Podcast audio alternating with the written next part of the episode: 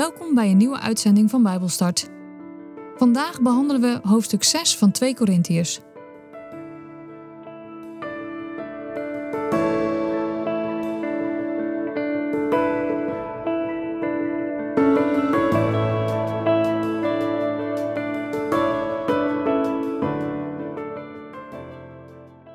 Ik lees uit de basisbijbel 2 Korintiërs 6 en het eerste vers van hoofdstuk 7.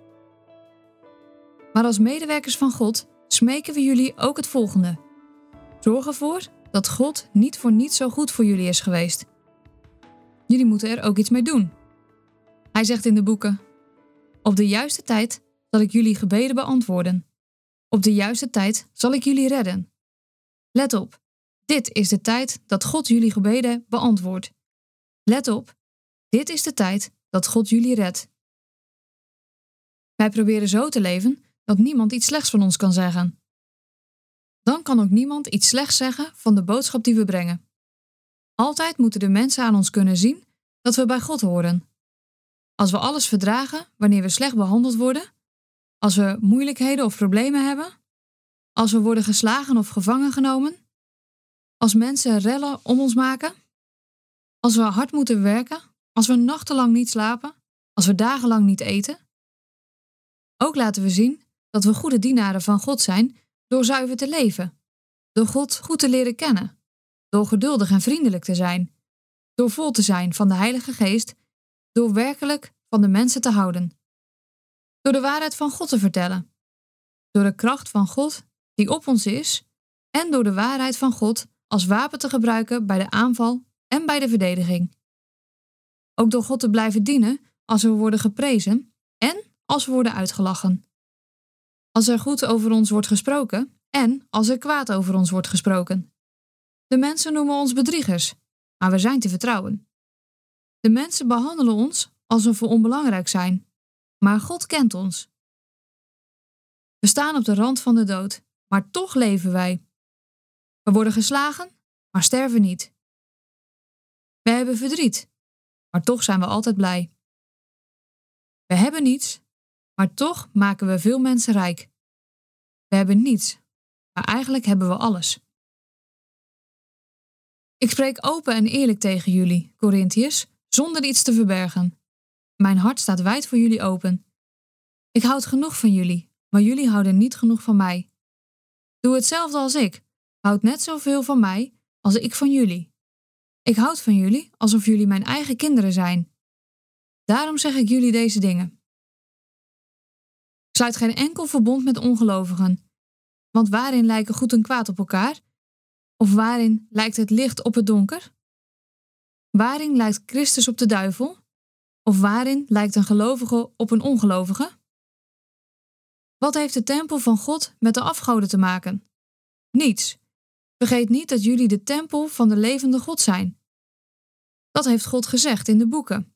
Ik zal bij hen wonen en bij hen zijn. En ik zal hun God zijn en zij zullen mijn volk zijn. Daarom moeten jullie anders zijn dan de ongelovigen, zegt de Heer. Doe niet langer met hen mee.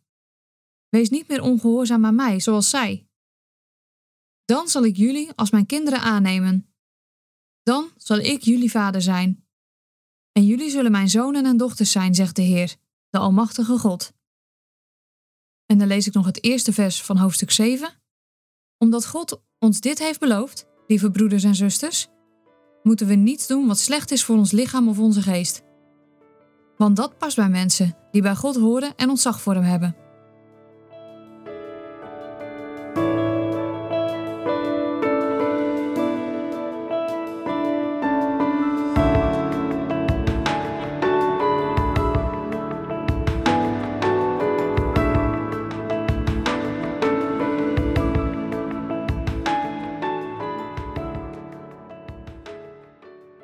We vervolgen de brief van Paulus aan de gemeente in Korinthe en hebben net hoofdstuk 6 gelezen. De eerste twee versen zou je eigenlijk ook direct achter hoofdstuk 5 kunnen lezen. Aan het einde van hoofdstuk 5 staat: Lees verder. En boven vers 1 van hoofdstuk 6 staat: Door het geloof worden we nieuwe mensen, vervolg.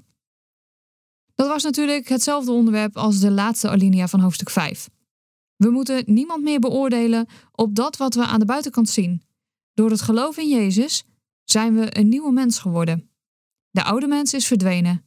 Er is een hele nieuwe mens ontstaan en dat is Gods werk. God heeft ons vrijgesproken van schuld en door het werk van Jezus zijn wij vrienden van God geworden. En daarom doet Paulus hier meteen een oproep. Zorg ervoor dat God niet voor niets zo goed is geweest voor jullie.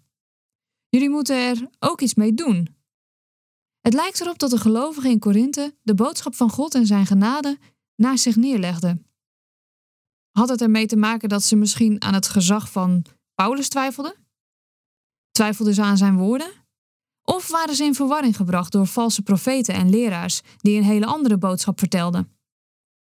De mensen hoorden Gods boodschap wel, maar toch werd hun doen en laten er niet door beïnvloed. En ook de woorden die ze uitspraken werden er niet door beïnvloed. En het is makkelijk om nu de, met de vinger naar de Corinthiërs te wijzen. Maar hoe vaak gebeurt het niet dat wij Gods boodschap horen zonder dat we ons leven erdoor laten beïnvloeden? Hoe vaak is het in de afgelopen maanden voorbijgekomen dat je naar een preek luisterde zonder dat deze echt tot je doordrong? In de coronatijd kon je de dienst online aanzetten. En dan kon je met een half oor luisteren. Want hoe makkelijk was je afgeleid? Paulus roept ons op dat het nu de tijd is dat God ons redt.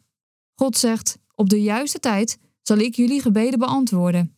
Op de juiste tijd zal ik jullie redden. En Paulus roept de lezers op en maakt ze bewust dat dit de tijd is dat God hun gebeden beantwoordt. Sommige mensen stellen de keuze voor Jezus uit. Ze denken dat er misschien een betere tijd zal komen om de beslissing te nemen. En daarom zegt Paulus eigenlijk: als je wacht op het juiste moment, dit is het juiste moment. Alleen hier en nu is het geschikte moment om Gods vergeving te ontvangen. Laat je alsjeblieft niet bij God vandaan houden. Vervolgens heeft Paulus het elf versen over zichzelf als dienaar van God. Hij zegt dat zij zo proberen te leven dat niemand iets slechts over hen kan zeggen. En die zij zijn natuurlijk Paulus en zijn mede-apostelen. Hij denkt goed na over hoe zijn daden een ander iets kunnen leren over Jezus. En daarom probeert hij zo te leven dat niemand iets slechts over hem kan zeggen. Want als niemand iets slechts over jou kan zeggen of over jouw leven, dan kan ook niemand iets slechts zeggen over de boodschap die je brengt. Als je gelooft, ben je een dienaar van God. Je bent als het ware een ambassadeur. Een ambassadeur is een persoon die iets of iemand vertegenwoordigt. In het begin, vroeger, was je alleen ambassadeur van een land of een regering. Zo kennen wij bijvoorbeeld de VN of de NAVO, en daarin zitten ambassadeurs die een staatshoofd vertegenwoordigen. We hebben over de wereld ook ambassadeurs uitgezonden en zij vertegenwoordigen Nederland in die landen. En het kan gebeuren dat zo'n land de ambassadeur op het matje roept. Die ambassadeur moet dan uitleggen waarom er dingen in het land van dat wat hij vertegenwoordigt gebeuren. En een land kan ook zijn eigen ambassadeur terugroepen. Dat is dan een soort statement naar het land waar die ambassadeur op dat moment woont. Als het ware zegt dan bijvoorbeeld Nederland: wij trekken onze ambassadeur terug uit jullie land omdat we het niet eens zijn met hoe jullie omgaan met een bepaalde situatie. Over dat ambassadeurschap, het op het matje geroepen worden en het vertegenwoordigen, kom ik zo meteen nog even terug. Ik wil namelijk ook nog een ander soort ambassadeurschap benoemen. Tegenwoordig kun je namelijk ook ambassadeur zijn van een organisatie of een groep. En dan heb je een veel informelere rol te vervullen. Meestal is zo'n organisatie of groep een goed doel. Zo ben ik namens TWR ambassadeur bij de organisatie No Choice. Dat is een overkoepelende organisatie die wil dat iedereen op de wereld het evangelie hoort in zijn of haar eigen taal. TWR heeft natuurlijk diezelfde visie en missie, maar weet dat wij niet de enige zijn en dat we ook niet alles in ons eentje kunnen doen. En daarom komen al die organisaties samen en spreken ze bijvoorbeeld over het verdelen van al het werk. Allerlei organisaties samen vormen No Choice. En al die organisaties hebben allemaal één of meer ambassadeurs die hen vertegenwoordigt. Een ambassadeur vertegenwoordigt dus een boodschap of een staatshoofd. En op die manier kunnen we natuurlijk ook kijken naar ons ambassadeurschap als vertegenwoordiger van God, zijn koninkrijk en zijn boodschap. Bij alles wat Paulus doet, denkt hij na over wat dat over Jezus zegt. En dat klinkt best wel heel erg vermoeiend, of niet? Maar misschien herken je het wel. Ik in ieder geval wel. Ik woon in een heel klein dorpje. En hoewel ik het een prachtige gemeente vind om te wonen, grap ik wel eens: als ik niet weet wat ik aan het doen ben, kan ik altijd een van mijn buren bellen. Die weten het wel. Ik ben ook politiek betrokken bij die gemeente. En dat betekent dat ik niet alleen die partij vertegenwoordig, maar omdat ik in de raad zit, vertegenwoordig ik ook alle inwoners van de gemeente. Ongeacht of ze nou wel of niet op mij hebben gestemd, ik ben als vertegenwoordiger aangesteld om het leven binnen de gemeente zo goed mogelijk te regelen. En dat betekent dus ook dat als er iets misgaat, mensen bij mij aan de deur staan. Als er een politieke keuze gemaakt wordt waar iemand uit de gemeente het helemaal niet mee eens is, dan hebben zij het recht om mij daarover te bevragen. En als ik iets doe wat niet door de beugel kan, dan zouden zij mijn vertegenwoordiging in twijfel kunnen trekken. Op het gebied van mijn geloof werkt het ook zo. Veel mensen weten dat ik christen ben.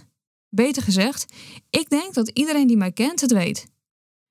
Mensen weten dat niet alleen door wat ik zeg, maar ook door de manier waarop ik leef. In alles wat ik doe, wil ik God vertegenwoordigen. De woorden die ik spreek, de manier hoe ik mij in het verkeer gedraag, de mate van geduld die ik heb als iemand wil voordringen bij de kassa, dat wat ik in mijn vrije tijd doe. Nou, noem maar op. Ik denk dat je wel snapt waar ik heen wil. Ik wil God vertegenwoordigen in mijn leven. Ik ben zijn ambassadeur. En dus bij alles wat ik doe, denk ik na wat dat over Jezus zegt. Nou ja, bewust nadenken is het niet eens.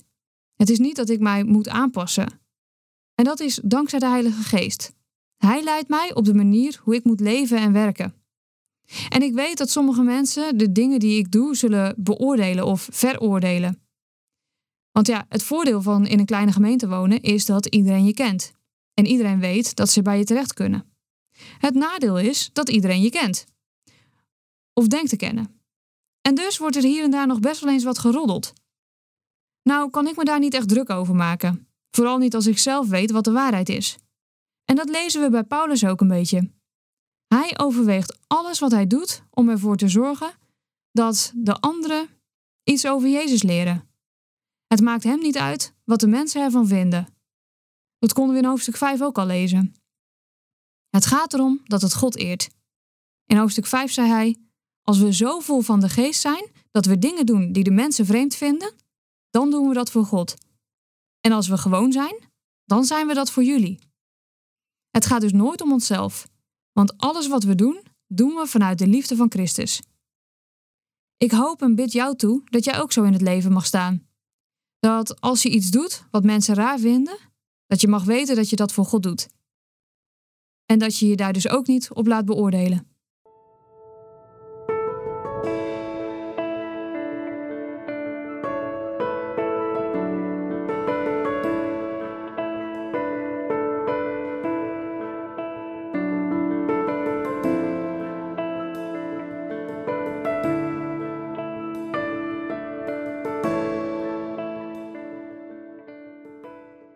Dit was Bijbelstart, een programma van TWR. Het is gebaseerd op het Amerikaanse programma Through the Bible, ook wel TTB genoemd. En deze uitzending is een samenvatting van twee afleveringen. Wil je meer weten? Ga dan naar ttb.org of ga naar twr.nl/bijbelstart.